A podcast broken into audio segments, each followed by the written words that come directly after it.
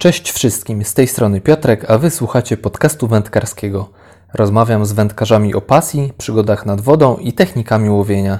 Każdy, kto choć raz miał wędzisko w dłoniach, usłyszy tu coś ciekawego. Cześć Grzegorz, w końcu udało nam się y, umówić na spotkanie i jesteśmy. Co tam u Ciebie słychać dobrego? Dzień dobry, dzień dobry. No w sumie chyba trzecie podejście mamy. Chyba tak, e, chyba tak. Wiesz co, w porządku, no powoli do przodu leci. Aktualnie przygotowuję materiały do muchowych mistrzostw Polski, bo za tydzień jadę. E, wiązaniu sztucznych much. Ogólnie tak bardziej chyba dla towarzystwa niż, niż dla wiązania, e, bo raczej tam nie mam z kim konkurować, znaczy w sensie mój poziom na to nie pozwala e, obecnie jeszcze, no ale na pewno też dużo nowych jakichś znajomości e, i kontaktów wpadnie i osób, które wiążą, na pewno też czegoś się nauczę przy okazji. Ale to jest jakiś event, czy takie już porządne zawody? Co to jest w ogóle to za znaczy, wydarzenie?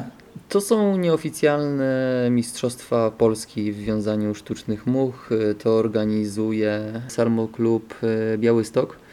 Mm, I z tego co się orientuję, są to nieoficjalne zawody, po prostu tak nazwane. I co roku tam jest wybierany nieoficjalny mistrz Polski, bo w sumie oficjalnych takich zawodów mistrzowskich, e, z tego co się orientuję, tutaj u nas nie ma.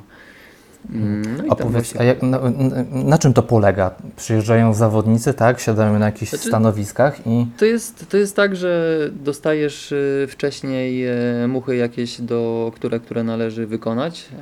Y, już teraz, właśnie tydzień temu wpadła rozpiska odnośnie tego, jakie to konkretnie mają być muchy, z jakich materiałów mają być kręcone, no i w sumie jedziesz na miejsce, E, masz ileś tam czasu, no i na miejscu masz wykonać e, te imitacje, które, które mają być jak najbardziej e, ku pierwowzorowi podobne. Mhm. Czyli później zasadzie. komisja to ocenia, tak? I wyłania zwycięzcę. Tak, tak, dokładnie. Jestem jury, już też jest przedstawione ogólnie, kto tam będzie. No i, no i będą tam jakoś to punktować, ale jak konkretnie to będzie przebiegać, nie mam zielonego pojęcia, ponieważ nigdy jeszcze w czymś takim nie uczestniczyłem. Powiem Ci, że ja też pierwszy e, raz słyszę o takim wydarzeniu, że coś takiego się nawet e, dzieje. No, no jest to, też no mówię, na pewno będzie to forma fajnej kolejnej przygody i możliwości poznania wielu nowych osób, no i też przede wszystkim e, poznania jakichś tam nowych e, tajników, no bo to zawsze jednak e, mimo wszystko, no nie, nie, nie, nie wszyscy się chcą może dzielić ogólnie jakimiś tam wiadomo tam super tajnymi rzeczami, tego na pewno nie mówią, ale na pewno multum jakichś nowych patentów, których wcześniej nie znałem, e, przywiozę z powrotem. Mhm. No, za to Ty się dzielisz tymi tajnikami, bo widziałem, że e, co tydzień robisz live z związaniem much, tak? To znaczy z, z dzieleniem tajnikami to może nie, nie aż tak, ale w sumie już na chwilę obecną w, e, uzbierała się, e, że, że tak to ujmę, rzesza osób, które gdzieś śledzą te moje zmagania i właśnie co tydzień praktycznie spotykamy się w podobnym gronie e, i, i właśnie gdzieś tam te muchy wiąże. E, po kolei. No jakiś super tajemnic, no to tam nie sprzedaję, ponieważ e, raczej, raczej wielu takich rzeczy nie mam. E, no ale zawsze jest to tam jakiś pretekst, żeby jednak do tego imadła w tygodniu usiąść i też jakiś parę much zrobić do swojego pudełka.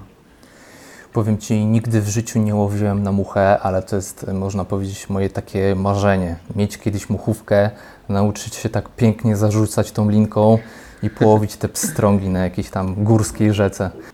Zapraszam. Jak będziesz mieć czas, no to bez problemu możesz, e, możemy się umówić e, i możemy gdzieś wyskoczyć. Niekoniecznie nawet musi to być gdzieś tutaj okolica tych dolnych, dol, okolica Dolnego Śląska. Ewentualnie też gdzieś się możemy spotkać w połowie drodze, drogi e, nad Wisłą, czy tam ewentualnie nad Sanem, bo też no to San to już niekoniecznie połowa drogi, bo z Warszawy pewnie będziesz jechać. Ale zawsze można wyjechać i, i pójść popróbować, jakby co sprzętu więcej jest to na pewno coś się znajdzie dla nas dwóch. O, super, brzmi zachęcająco, naprawdę. A powiedz, y, y, sporo jest rzek y, do takiego, które pozwalają na łowienie na muchę? To znaczy tak naprawdę na muchę możesz łowić na każdej rzece. Aha.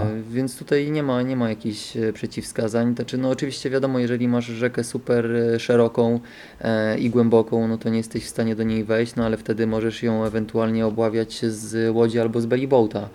E, więc tutaj na przykład we Wrocławiu jak jestem, no to jak łowię we Wrocławiu to w ten sposób, e, czyli wsiadam na belly boata, wypływamy na kanał żeglugowy, gdzie jego średnia głębokość pewnie jest w okolicach paru metrów, e, no ale tak z mojej perspektywy, no to najlepszymi rzekami są właśnie jakieś takie średniej szerokości rzeki, właśnie typu te w Kotlinie Kłodzkiej, skąd pochodzę, czyli Nysa Kłodzka, Białolądecka, Ścinawka, no są to rzeczki tak naprawdę, które mają tą szerokość w okolicach, nie wiem, załóżmy 10 metrów.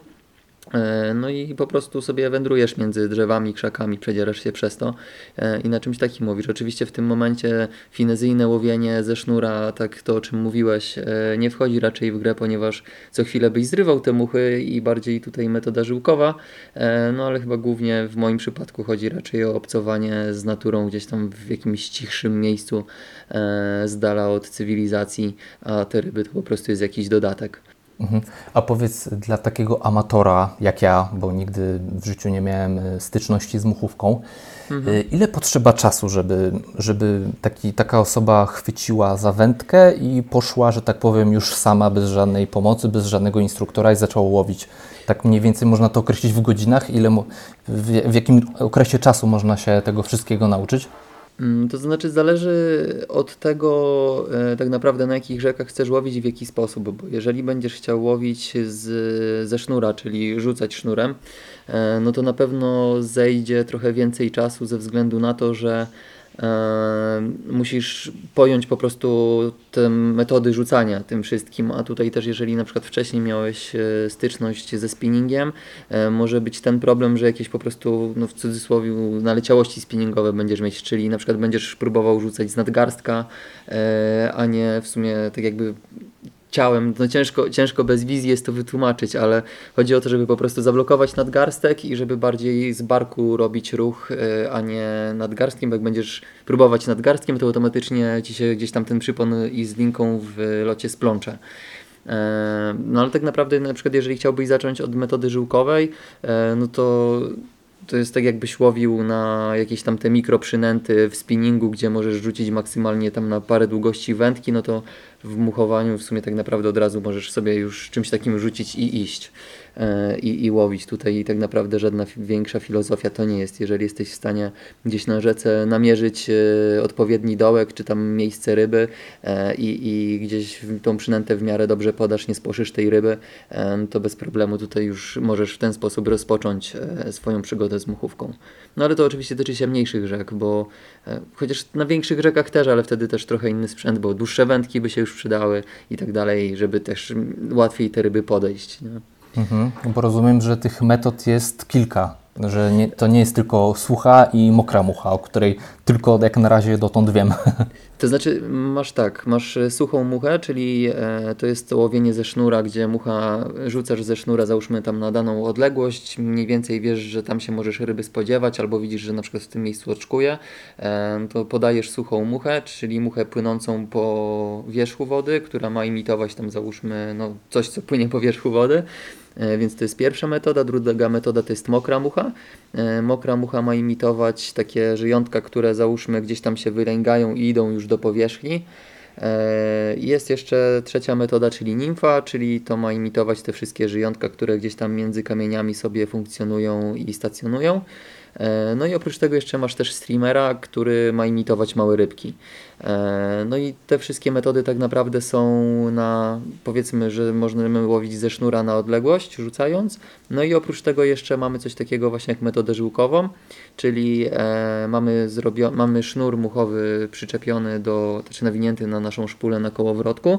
E, do tego przyponu przymocowujemy maksymalnie dwie długości żyłki, bo tak mamy akurat tutaj w Polsce e, przepisy skonstruowane.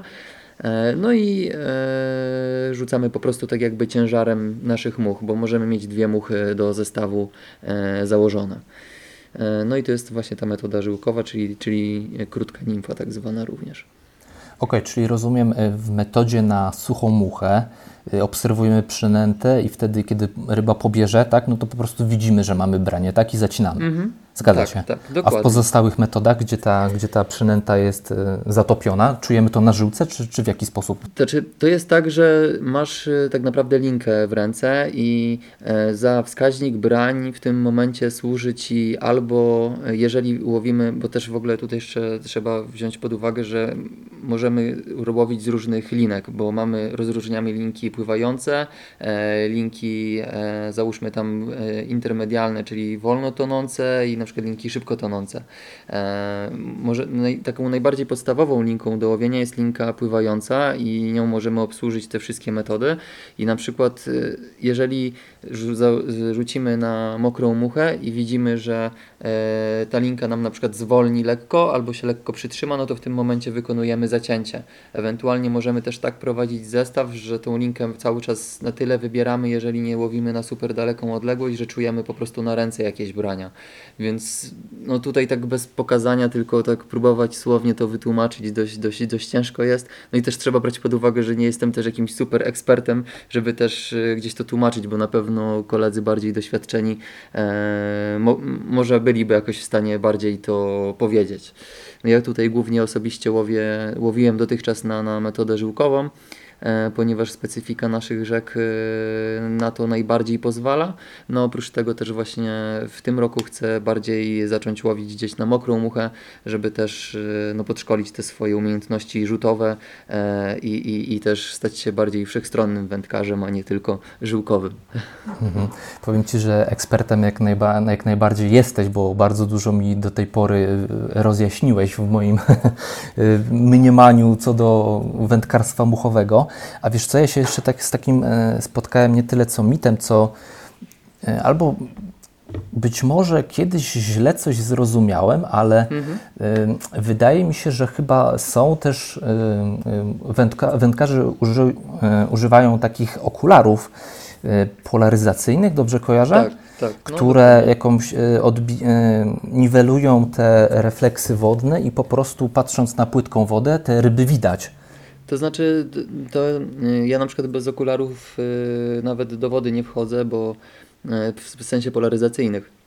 E, ze względu na to, że jak chodzisz po wodzie i właśnie masz na przykład jakiś tam dzień, gdzie pada to słońce pod jakimś kątem i ci odbija e, od wody promienie, to tak naprawdę w ogóle kamieni też nie jesteś w stanie zauważyć i te okulary nie dość, że pozwalają ci zdecydowanie w łatwiejszy i bezpieczniejszy sposób brodzić w wodzie, e, no to również też tak jak właśnie mówiłeś, jak patrzymy w wodę, no to jeżeli te ryby gdzieś tam stoją w bardziej, e, że tak powiem, odsłoniętym miejscu, to jesteśmy w stanie e, tą rybę zobaczyć. Ale tutaj też oczywiście odnośnie okularów to mógłby powstać kolejny odcinek, e, ponieważ też okulary mają różne odcienie, e, różne tam te stopnie całe i tej polaryzacji i tak dalej, więc e, w zależności też na przykład od pogody przydałyby się różne szkła różnych kolorów. E, ja na przykład mam okulary rozjaśniające żółte z lekką polaryzacją, bo one super mocno polaryzujące nie są brązowe i czarne. No, więc, więc, więc w zależności właśnie od tego, jaką mamy pogodę, no to też różne po prostu okulary się zakłada. Okej, okay, czyli to po prostu jest y, prawda, to nie jest żaden mit, tak? Tylko te, tak, te okulary tak. pomagają właśnie w, w namierzeniu tych ryb. A czy to są tak, że tak powiem, tak czyszczące tą, tą wizję, że widać też przynętę i te mm. pobieranie przez ryb tej przynęty? To znaczy, to jest, to jest tak, że, znaczy no tak z moich tych całych obserwacji, e, to wygląda tak, że jeżeli załóżmy rzuciłeś e, muchami i załóżmy widziałeś, że ta ryba się błysnęła, ale na przykład przypon nie został do końca naciągnięty, e, no to w tym momencie na przykład tniesz na ślepo i często jest tak, że załóżmy no, tą rybę wtedy zatniesz, jeżeli ją zauważysz i zobaczysz, że właśnie gdzieś tam błysnęła się w okolicach tych przynęt, które podawałeś, ale tak, żeby do końca zaufać tym no to też no, no nie jesteśmy w stanie, ponieważ jeżeli na przykład no, łowimy na, na, na rzekach tutaj we Wrocławiu, gdzie ta woda jest lekko trącona, e, no to tak naprawdę no ile widzimy 30 cm e, powyżej tafli wody, załóżmy, czy tam 40 max, a, a, a często przynętami schodzimy gdzieś tam pod dno, które ma w okolicach metra półtorej na przykład, nie? Więc, więc, więc tutaj no musimy polegać nie tylko właśnie na tym, co, co widzimy gdzieś przy powierzchni, no ale też e, mieć czucie z tymi przynętami, prowadząc, prowadzić zestaw tak, żeby jednak poczuć na wędce albo zobaczyć na, na, na sznurze e, to branie. Czyli prowadzenie to jest podstawa, a okulary to tylko taki, można powiedzieć, dodatek, tak? Dokładnie. Okej. Okay. Wiesz co, tak jeszcze mi się jedno pytanie przypomniało odnośnie tych e, Twoich live'ów skręcenia much. Powiedz, no. ile Ty masz u siebie już takich gotowych much? Bo mi się wydaje, że Ty je robisz i tego masz bardzo dużo. E, mam, mam, mam bardzo dużo. W sumie jakby e, w zeszłym roku, znaczy w zeszłym roku, pudełek łącznie to może z 4 albo 5 pudełku, nie wiem, z 200 sztuk, ale to też jest tak, że często, wiesz, ponosi cię jakaś fantazja i robisz jakieś dziwne wzory tych much, które gdzieś tam na tym imadle wtedy ci się wydają, że będą działać, a koniec końców, jak jestem nad wodą, to i tak i tak zakładam w sumie te wzory, na które gdzieś wcześniej miałem efekty i te dziwne, powymyślane często po prostu lądują z powrotem w imadle i żyletka i ścinamy to wszystko, żeby odzyskać główkę e, i e, główkę i, i, i koralik bo, Boże, główkę i haczyk. E, więc, więc jeśli chodzi o te muchy, no to teraz już się po prostu wziąłem na sposób i jak właśnie powiedziałem, że będę w tym roku łowić na mokre muchy, e, to pokręciłem sobie po prostu tam z 10 wzorów po dwie sztuki i ewentualnie po dwa rozmiary, więc, więc mamy cztery muchy jednego wzoru. No i jak teraz będę nad wodą, to będę próbować, e, które będą działać, które nie i w sumie te, które nie będą działać albo których nie założę, to po prostu więcej nie będę kręcić, tylko ewentualnie będę gdzieś tam modyfikować i uskuteczniać te wzory, które działały dotychczas. Mhm. No tak, a jak coś, coś wypali, tak, coś e, tak, okaże tak. się jakimś killerem, no to po prostu zrobisz tego więcej, tak? No dokładnie, no bo to, to jest tak jak na przykład y, mam kumpla karpiarza i na przykład właśnie e, on ma, wiesz, mnóstwo jakichś e, puszek z tymi całymi kulkami i wiesz, i tak i tak tak naprawdę łowi na dwa jakieś tam smaki, a resztę ma, bo ma i ewentualnie gdzieś tam do zanęty je wsypie, ale na hak koniec końców i tak i tak, czy tam na na włos, jak to się tam mówi, zakłada i tak i tak w sumie praktycznie zawsze te same kulki. Mhm. A powiedz, a wymieniasz się z innymi wędkarzami na muchy? E, to znaczy, to jest tak, że jest gdzieś tam to środowisko dość, dość, dość hermetycznie pozamykane i jeżeli ktoś ma jakieś te swoje wzory takie super tajne i super skuteczne, no to raczej się nimi nie dzieli, ale w sumie no ja takich much nie mam, bo ja tak naprawdę te muchy, na które łowię na co dzień, to też je kręcę na filmach. E, tych, tych, tych, tych YouTube'owych swoich całych. E, więc y, no tutaj z mojej strony nie ma nic do ukrycia i jeżeli tam ktoś ewentualnie chciał taką muchę, tak jak na przykład na zawodach w zeszłym roku na Dunajcu na Grand Prix byliśmy, no to z chłopakami z Wałbrzycha między sobą też się wymienialiśmy tymi muchami, które komu gdzie tam chodziły, tak? No bo w sumie to jednak jakby nie było tam chłopaków z drużyny, no to było wspólne dobro, żeby e, jak najlepiej zapunktować, jak najwięcej ryb połowić, tym bardziej, że jak byliśmy na treningu dwa tygodnie wcześniej, no to mniej więcej wiedzieliśmy co chodzi i w sumie tak naprawdę de facto na te same muchy, które, na które połowiłem na treningu, też połowiłem na, na, na, na zawodach, chociaż nie były to jakieś tam super wielkie efekty, ale ryby jakieś siadły. Mhm. No tak, czyli tutaj była taka współrywalizacja sportowa, tak? Jakaś tak. taka grupowa, więc nie było tej, tej przeszkody, ale mówisz, że jednak to środowisko tak trzyma te sekrety dla siebie, tak? Nie jest, wędkarze nie są skłonni do dzielenia się swoimi przynętami. Zależy, zależy pewnie też, też od, od y, osoby, nie? No ale no mówię, no jednak no tutaj na przykład obecnie, obecnie o czymś takim na przykład nie, nie, nie słychać teraz za bardzo, ale e, na przykład lata wcześniej, jak e, jeszcze te różne przynęty raczkowały, no to na przykład chłopaki z Wałbrzycha mieli e, skórzaki, czyli, czyli muchy robione z skóry łasicy. E, i pilnowali tego jak okach w głowie, nie? Przecież o tych muchach tak naprawdę no, nikt nie miał prawa się gdzieś tam poza kilkoma osobami dowiedzieć. No wiadomo, z czasem gdzieś się to tam porozchodziło i tak dalej, ale e, no, jak na to łowili mieli tam ten pierwszy dwa sezony, gdzie, gdzie naprawdę kosili konkurencję dookoła, no to nikomu tej muchy nie pokazywali. Teraz w sumie może też tak jest y, wśród wiesz, y, chłopaków, y, którzy już tutaj łowią u nas na najwyższym poziomie. Eee, no to, to z nimi już by trzeba było na ten temat rozmawiać. I, i może powiedzieliby prawdę. A w tym sezonie planujesz jakieś zawody wędkarskie, już nie w kręceniu much, tylko takie już nad wodą? E, wiesz co, mam kalendarz chyba do czerwca mniej więcej rozpisany i tych wyjazdów trochę jest. E, na pewno będę startować w eliminacjach do Grand Prix Polski w tym roku, ponieważ w zeszłym roku się nie utrzymałem. E, I to będą zawody na Sanie i na Rabie. Oprócz tego mam o dziwo jedne zawody karpiowe wpisane u kumpla, które kumpel organizuje. E, na jakiejś komercji, więc, więc tam na pewno też będzie jeden weekend. Do tego na pewno Warta. E, w lipcu też będzie organizowany memoriał e, w też Wałbrzyskiej Trójcy, czyli, czyli Zdzisława Marcinów, mojego dziadka, Henryka Woźniaka i Mariana Kwaśnika. Więc to są takie nasze sztandarowe zawody, gdzie, gdzie w tym roku też mam w zamiarze trochę to rozgłośnić i, i z, zwołać większą, że tak powiem, ekipę, żeby tam licznie osoby przyjechały na te zawody. E, no i na pewno też jakieś okręgowe tutaj będą jeszcze po drodze, więc e, co jeszcze?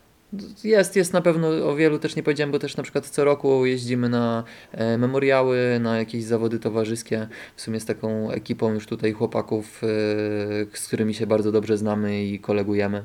I tak naprawdę to są w większości zawody towarzyskie. Ale, ale jest tego dużo.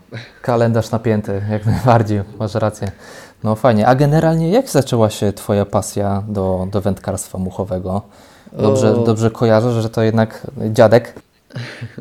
To znaczy, to, to, znaczy no to, to na pewno był jeden z, głównych z dwóch głównych zapalników, e, bo to jest tak, że mój dziadek e, łowił od, od, od dawien dawna. E, no i za dziecka, jak, jak do niego chodziłem, no to on już, już wtedy nie mógł ze względów zdrowotnych aktywnie łowić, ale dalej wiązał muchę. E, no i gdzieś próbował we mnie tą, tą całą miłość do tego zaszczepić. E, no ale za bardzo mu się to nie udało. W sumie z muchy kręciłem za łebkę, ale to bardziej było, żeby mieć gdzieś tam coś dorobić na jakieś cukierki i, i jakieś tam inne wydatki mieć, ale, ale nad wodę jakoś mnie nie ciągnęło. No i gdzieś tam w dalszym okresie dziadek mówił, że zanim pójdę łowić na muchę, mam e, przeczytać książkę Józefa Jeleńskiego. E, to jest e, taki pan, który ogólnie był pierwszym trenerem kadry narodowej. E, muchowej. E, oprócz tego też dość aktywnie teraz działa w związku z naprawianiem naszych rzek, e, ale to, to w sumie może do, do, do celu, do brzegu bardziej tak idąc. W każdym razie dziadek mówił, że mam przeczytać właśnie książkę Józefa, Wędkarstwo muchowe. No jak przeczytałem tę książkę, no to stwierdziłem, że kurczę, muszę iść nad wodę, zobaczyć jak to jest. No i zadzwoniłem tam do kolegi dziadka, żeby mi pokazał właśnie jak zawiązać zestaw plus do tego kupiłem jakieś wodery, buty, e, no i pojechałem nad wodę. No jak pojechałem nad wodę, to wykąpałem się na jednym z kamieni, e, później złowiłem pierwszego pstrąga 39,5 cm, ładny potoczek, pamiętam jak dzisiaj. No i, no i tak, tak się stało, że w sumie w miarę możliwości wtedy w każdy możliwy weekend jak mogłem, no to jechałem nad, nad wodę. Mm, oczywiście jeszcze robiłem wtedy studia, więc y, tych weekendów za dużo nie było. E, parę lat y, minęło, w sumie chyba 2 czy 3, lat, 3 lata chyba minęły. Pojechałem, zapisałem się na eliminację na, do właśnie do Grand Prix, no i jakoś tak się stało, że bez żadnego przygotowania e, dostałem się do tego Grand Prix. No i można powiedzieć, że w zeszłym roku tak naprawdę dopiero zacząłem się poważnie uczyć e, łowić na muchę. Okej, okay, no. czyli ta przygoda nie zaczęła się w dzieciństwie, tylko już właśnie w, w wieku późniejszym, tak? Tak, tak. No ja na chwilę obecną mam 30 lat, no to zacząłem łowić chyba w wieku 25. E, wiadomo, oczywiście też za dzieciaka, jak jeździliśmy w rodzinne strony tam na, na Podkarpacie, no to na Wisłoku się łowiło również na jakiś grunt, e, czy tam ewentualnie spławik, czasami na żywca. E, ale tak to poza tym w sumie nad wodę mnie praktycznie w ogóle nie ciągnęło, więc mówię, na tych wakacjach zawsze coś gdzieś e, stacjonarnie się łowiło, a, a, a w ciągu roku już nie. No i od, od e, tych parę lat temu, jak już e, spróbowałem tej muchy, no to wciągnęło mnie na maksa. Na maksa, czyli 100%, czy, czy już masz takie momenty, gdzie właśnie odskakujesz i łowisz na jakieś inne metody? Teraz mówisz, że za, e, będziesz na, wędkar, na zawodach karpiowych, tak? To Ale tak. zdarza się, że, że sięgasz po jakąś inną wędkę, inną, inną metodę i łowisz, na przykład na spinning? To znaczy, wiesz co, spinning tak naprawdę miałem raz w życiu, znaczy może inaczej, więcej razy w życiu miałem w ręce, ale raz w życiu sam pojechałem e, tylko ze spinningiem, to jeszcze było zanim zacząłem na muchę łowić, zanim wodery kupiłem, e, ale już kartę wtedy opłaciłem, więc wtedy pojechałem raz ze spinningiem. E, teraz oczywiście też gdzieś tam poznaję coraz więcej osób i, i coraz więcej osób też gdzieś tam próbuje mnie namówić, żeby spróbować czegoś innego. No z tym karpiarstwem no to jest tak, że jak jadę załóżmy tam dwa razy w roku na karpie, to i tak biorę ze sobą sprzęt do wiązania much i e, wiążę muchę w międzyczasie. E, no jest to na pewno miła odskocznia, żeby gdzieś tam spotkać się ze znajomymi, e, porozmawiać, pośmiać się i tak dalej, ale e, jakoś tak, żeby mi ciągnęło na te karpie, że muszę jechać, to, to czegoś takiego w ogóle nie mam. Jest to bardziej właśnie ze względu na, na znajomych towarzystwo niż na, na mus jechania. No, z muchą mam tak, że po prostu no już na dzień dzisiejszy tak mnie nosi, że pojechałbym nad tą wodę, no ale warunki tutaj u nas akurat nie pozwalają wtedy, kiedy akurat ja mogę. Więc, więc jeszcze się jakoś wstrzymuję. No, w kwietniu, w pierwszy weekend mamy rozpoczęcie sezonu klubowe, e, to znaczy kołowe, więc, więc na pewno już wtedy na te ryby pójdę pierwszy raz, czy chcę, czy nie chcę, e, ze względu na, na poziom wody jakikolwiek by nie płynął. No, ale, ale odnośnie innych, e, odnośnie innych gat, Boże, nie gatunków łowienia, tylko sposobów łowienia, to, to raczej, raczej, raczej mnie to nie, nie, nie wciągnęło tak super bardzo. Okej, okay. E, czyli jak, jak bierzesz ten cały zestaw i kręcisz muchy przy wędkarzach, którzy są karpiarzami na o, o muszce nie słyszeli, to co wtedy mówią? Pyta, pytają Wiesz, się, co, co ty robisz? Interesuje ich to, czy jak to wygląda? Ba bardziej, bardziej, bardziej zdziwienie jest yy, i takie zaskoczenie. Co ty człowieku robisz? Czy ty to w ogóle widzisz? I tak dalej. Bardziej w tym kierunku. Yy, bardziej w tym kierunku to idzie. Chociaż wiesz, to tak naprawdę działa w dwie strony, bo jak ja w zeszłym roku byłem e, pierwszy raz na tych karpiach i chłopaki powyciągali łódki zanętowe yy, i wiesz, zaczęli tam tymi łódkami ogólnie pływać po zbiorniku, plus do tego jeszcze tam echosondy, nie echosondy mają popodpinane, no to wydaje mi się, że oni tak samo patrzą na mnie i na imadło, jak ja na te ich łódki, piece, namioty i całą resztę, nie? którą oni biorą ze sobą, bo mi tak naprawdę jadąc na ryby wystarczy jedna kamizelka, e, jakbym nie brał jakiegoś tam sprzętu do nagrywania, a, a, a w sumie im tak naprawdę czasami busa mało, żeby zabrać to wszystko ze sobą. No tak, niby jedna ta sama pasja wędkarstwo, a tak naprawdę dwa różne światy, a nawet no i więcej dokładnie. różnych światów, prawda? Dokładnie, dokładnie tak jak mówisz. Okej, okay, a jeszcze wróćmy na chwilę do dziadka, bo ja ostatnio czytałem artykuł w sztuce łowienia, gdzie mhm. pisałeś coś o dziadku. Ja do sztuki e, łowienia popełniłem dwa artykuły.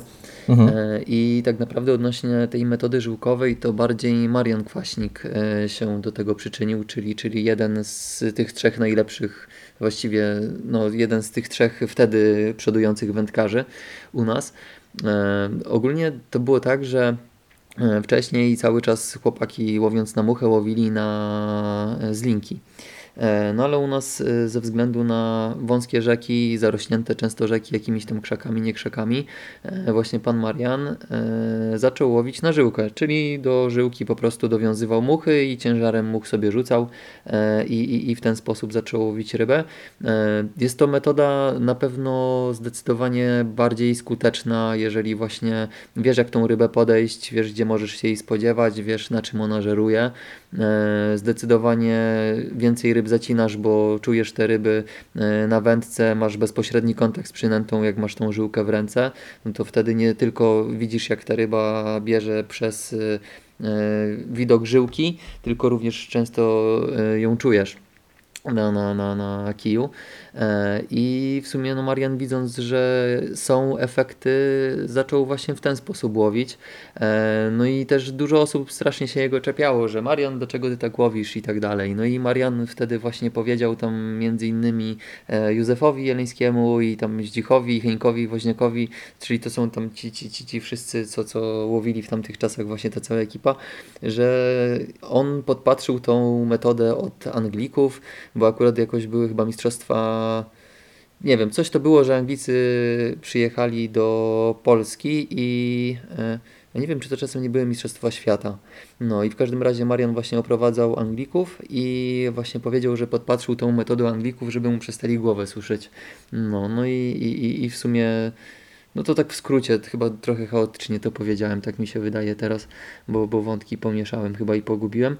E, no ale w każdym razie e, właśnie powiedział, że podpatrzył do Anglików, żeby mu nie słyszeli głowy, no a właśnie jak później z nim przeprowadzałem wywiad, no to powiedział, że to właśnie wtedy powiedział, a tak naprawdę no to związan, w związku z tymi naszymi rzekami właśnie sam to wymyślił i, i, i w ten sposób zaczął łowić. Może tak na spuentowanie. No i też, jak widać, metoda stała, była skuteczna, tak? Skoro ja tam pamiętam, był taki cytat, przytaczałeś na właśnie pewnych zawodach. Ktoś, ktoś zauważył tą, tą trójkę sławną. Powiedział, o, Wałbrzych przyjechał, kwaśnik Marcinu Woźniak, to będziemy tak, po tak. dupie dostawać. Tak, dokładnie. To, to są słowa właśnie Mariana, Mariana Kwaśnika. E, to one, one były w tym artykule opisane. Jeżeli ktoś ma ochotę, to w sumie tam możesz podlinkować. To, to e, A pewnie, na pewno wrócimy. Mogli słuchacze yy, przeczytać dokładnie jeden i drugi artykuł, to to w sumie bardziej to może zgłębią niż, niż to, co ja tutaj powiedziałem. Pewnie, na pewno, na pewno podlinkujemy. Czyli powiedz, generalnie jeszcze sezonu nie rozpocząłeś, jeszcze w tym roku na rybach nie byłeś. E, byłem na rybach w tym roku, e, ale to było tak, że oczywiście kolega, kolega karpiarz e, wyciągnął mnie na, to chyba było gdzieś w połowie stycznia, jakiś 15 styczeń albo coś w tym stylu, ale bardzo ciepły dzień był. I pojechaliśmy na jakąś komercję z karpiówkami. Oczywiście ja z właścicielem porozmawiałem i zapytałem właściciela, czy mogę z muchą pochodzić i porzucać. Powiedział, że nie ma żadnego problemu. E, ale zeszliśmy w sumie wszyscy o kiju bez, bez żadnego brania. Ja tam miałem jakieś pojedyncze piknięcia e, na, na sygnałach, ale w sumie żadnej ryby nie miałem, a poza tym no, rozpoczęcie na, na, na komercji to chyba raczej nie jest rozpoczęcie, więc jak będę nad rzeką, to to potraktuję jako prawdziwe rozpoczęcie sezonu.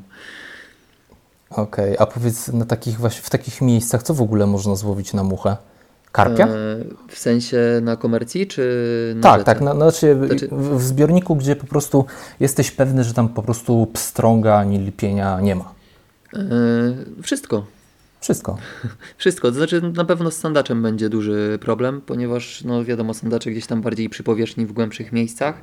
E, oczywiście jesteśmy w stanie zejść zakładając e, muchy na przykład dociążone ołowiem, e, czy tam z główkami na przykład wolframowymi, cięższymi, plus do tego zakładając e, cięższy, te czy linkę tonącą.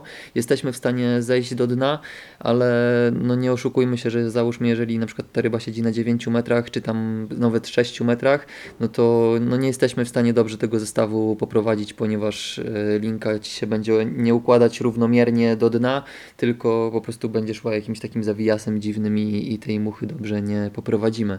E, no ale na przykład szczupaki, okonie, białoryb, e, typu leszcze, karpie też, na przykład latem na, na, na suche muchy, sarny kręcone też jesteśmy w stanie skutecznie łowić to musi fajnie wyglądać. Znaczy, ja też bardzo często obserwuję takie oczekujące y, ryby, tak, które pobierają mhm. właśnie pokarm z, z powierzchni. Właśnie wtedy się zastanawiam, kurczę, dlaczego nie mam czegoś takiego, co, co właśnie mógłbym podać tak, na tą powierzchnię mhm. i tak poczekać, że zas się to I, i, wtedy będzie branie, bo, bo wtedy najczęściej właśnie tych ryb nie ma gdzieś tam w toni, tylko tam wędrują gdzieś przy powierzchni, dokładnie. Znaczy, ja na przykład karpi jeszcze na muchówkę nie łowiłem, ale znajomy mój yy, skutecznie łowi karpie, no to mówi, że to też jest takie dość, dość nudne łowienie do momentu, w którym się ta ryba nie wepnie, bo yy, wiesz, rzucasz muchę, yy, jak te karpie gdzieś tam zbierają, no i po prostu czekasz, nie? No i sobie zostawiasz ten zestaw, ta mucha cały czas jest na powierzchni, no i w końcu karp podpłynie, no i jak zaś się, no to zaczyna się zabawa, no bo jednak te wędki muchowe,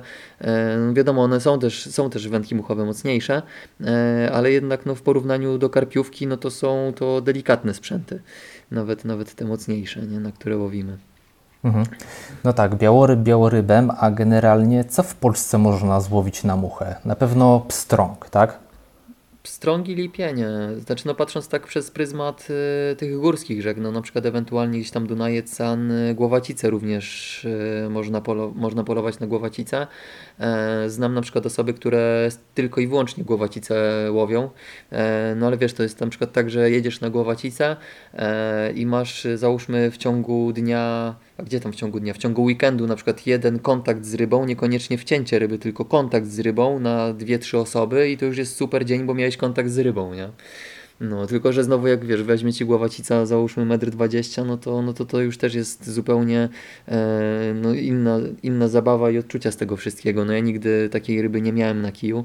E, nigdy też no, za głowacicą stricte nie jechałem, zresztą też nie mam sprzętu typowo głowacicowego. E, więc, więc, więc też tutaj więcej w stanie nie jestem e, powiedzieć. No ale tak, no to no przede wszystkim strągi na chwilę obecną, ponieważ też z lipieniem jest coraz bardziej krucho, e, więc, więc, więc tutaj głównie pstrągi nam zostają. Mhm. Trocie, łososie? E, też można, tylko na przykład e, ja nad e, morskimi rzekami byłem raz z wędką, odwiedziłem regę na takich odcinkach już głębszych, bliżej, bliżej przyjściowych, ale, ale z leśnych. E, I na przykład tam był ten problem, że nie byłem w stanie wejść dalej do wody niż trzy kroki. E, no i w związku z tym nie byłem w stanie podać odpowiednio daleko rybie przynęty, ponieważ też za plecami był las. E, no i automatycznie no, wszystkie wyrzuty kończyły się tym, że miał, miałem zaczepy za plecami, jak gdzieś próbowałem coś dalej podać.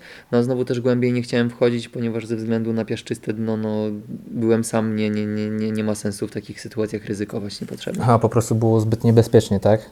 Okay. Tak, no bo gdzieś przy brzegu trochę mułu było naniesione, robiłeś dwa kroki dalej, gdzieś tam cię lekko ten piasek wsysał.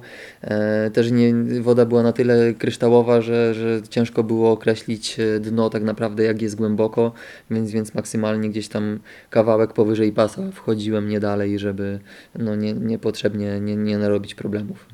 Mhm. No tak, wiadomo, rzeki bywają niebezpieczne, trudne i też mi się wydaje, że to też jest sztuka potrafić przeczytać taką rzekę, tak? Wiedzieć, gdzie zarzucić, gdzie, gdzie może taka ryba przebywać. To znaczy, na przykład odnośnie, odnośnie tej, e, odnośnie regi, to było tak, że tam ryby było widać i to porządne ryby było widać, bo one no, akurat zbierały suche muchy E, więc, więc wiedziałem gdzie rzucać, tylko że to było całkiem po drugiej stronie, więc no, na odległość jakichś, nie wiem, 25 metrów około, no nie byłem po prostu w stanie podać tej przynęty, no bo jednak mimo wszystko no, linkę musisz wyrzucić za siebie, żeby ją podać do przodu, nie? No tak, Pod, a nie mogłeś, bo z tyłu miałeś zaczepy, tak? Tak, już się zaczynało las. Mhm, Dokładnie tak. Okej. Okay. Mówiłeś, że twój pierwszy pstrąg, pierwsza ryba miała 39 cm, tak? Mhm. I to była największa ryba? Czy to był twój rekord? Czy jak, jak wygląda twoje, twoja ściana chwały? Pochwal się. Wiesz co, to znaczy tak, e, największa, największa ryba, jaką mam zmierzoną e, na muchę, to jest e, tęczak 52,5 cm. Wow. E, dał mi popalić grubo, wybrał praktycznie całą linkę do podkładu z kołowrotka.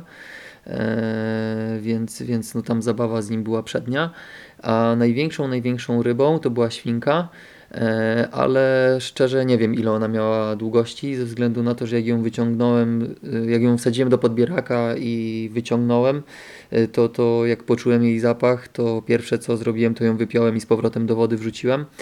Poza tym też nie miałem przy sobie miarki więc bez buziaka, bez niczego po prostu ta ryba z powrotem powędrowała do wody, ale na pewno ponad 60 miała. O, a powiedz, a na co wzięły te ryby? Na Twoje muchy autorskie?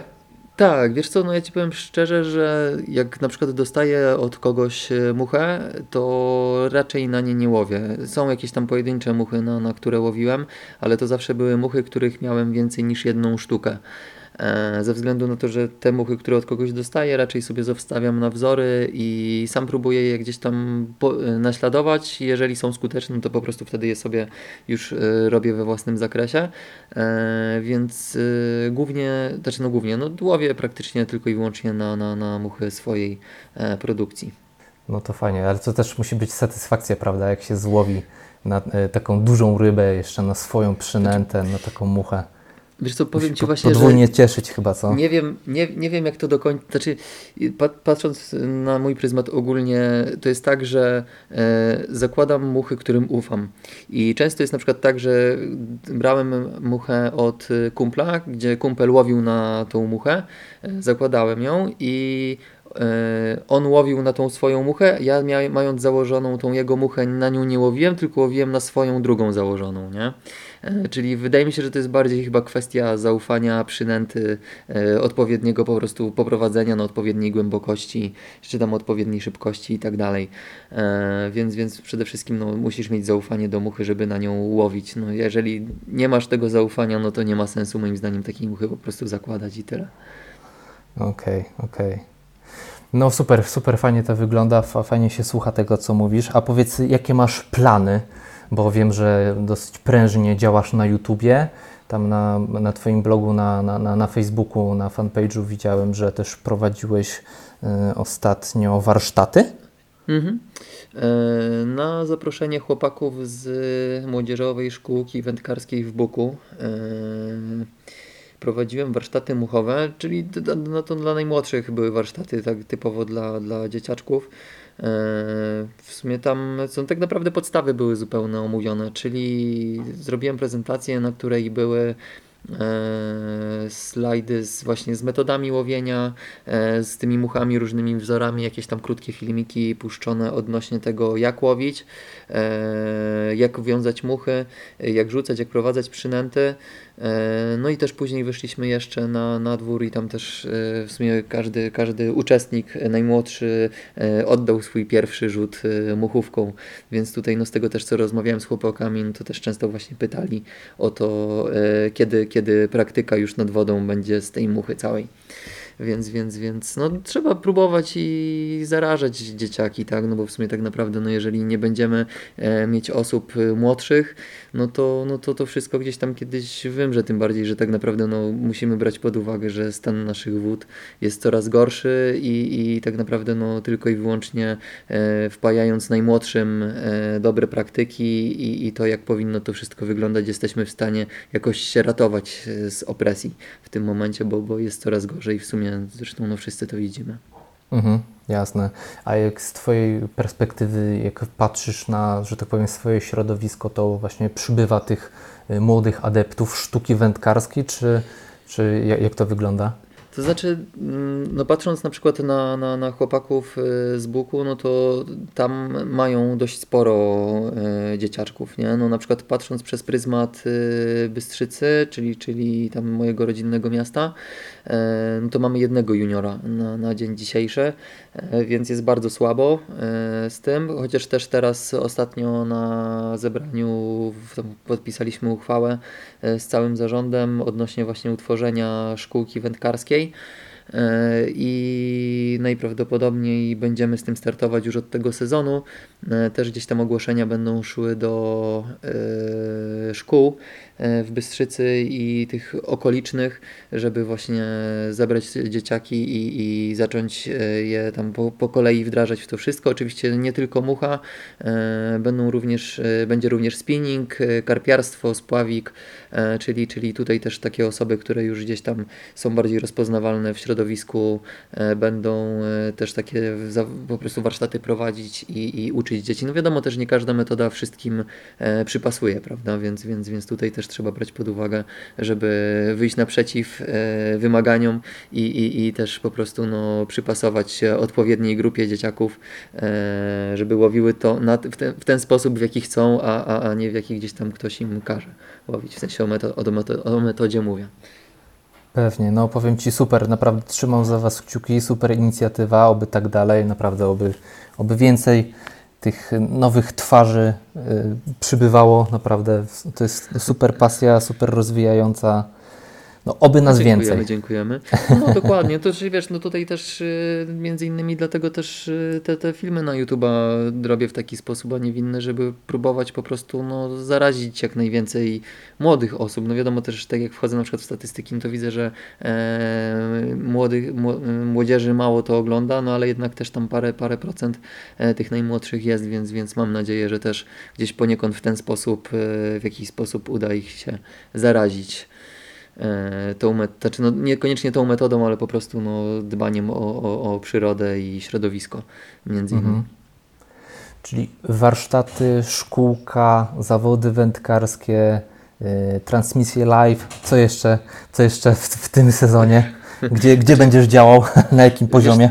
to znaczy raczej, raczej nic y, więcej e, już z mediów nie dojdzie, ponieważ też tam czas, czas jest tutaj największym ogranicznikiem wszystkiego, E, ale na pewno, na pewno jeszcze chcę wystartować oprócz, oprócz wędkarstwa na, e, z właśnie takimi filmami typowo e, uświadamiającymi ludziom na przykład skąd bierzemy wodę, co się dzieje ze ściekami i tak dalej. W sumie mam wykształcenie jakieś kierunkowe, bo jestem akurat po inżynierii środowiska. E, W sumie też sporo, sporo tego gdzieś na tych studiach przerobiłem, e, materiałów też mam dużo e, i, i w sumie tak naprawdę no chyba trzeba po prostu zacząć ludzi próbować e, uświadamiać gdzieś w tych, w tych kierunkach, żeby byli świadomi, co się z tym wszystkim dzieje i jaki to ma wpływ e, też później na, na, na, na resztę świata nas otaczającego. Więc, więc na pewno z taką serią też jeszcze będę chciał wystartować. No a tak, no to raczej wszystko będzie tak, jak było dotychczas. E, plus, plus do tego jeszcze jakieś tam może wycieczki rowerowe na rybę. No ale to czas, czas pokaże i pogoda. No i wielkie pstrągi w siatce oczywiście, tak. No powiem Ci, plany Znaczy- super, naprawdę trzymam, trzymam za Ciebie kciuki. No coś jeszcze chciałeś dodać? Znaczy, no, odnośnie, odnośnie tych wielkich pstrągów, to jest tak, że jednak jak też gdzieś się pojawią te większe pstrągi, a widzimy, e, że jest to takie miejsce dość znane albo jakieś są charakterystyczne rzeczy, to też e, tego typu rzeczy w sumie na materiałach nie lądują, bo e, no, jest sporo osób podchodzących no kill, ale, ale jednak nie są to wszyscy. No i w sumie musimy tak naprawdę te największe okazy starać się chronić, żeby one nam robiły dobrą robotę, a nie tylko zarybienia. Dokładnie, dokładnie. No to super, będzie co oglądać, będzie co śledzić. Na pewno wszędzie podlinkuję, gdzie się da, swoimi materiałami. I naprawdę super, super dzięki wielkie za rozmowę. Trzymam jeszcze raz za Ciebie kciuki. No i do zobaczenia na rybach. Dziękuję bardzo i do zobaczenia nad wodą. Na razie.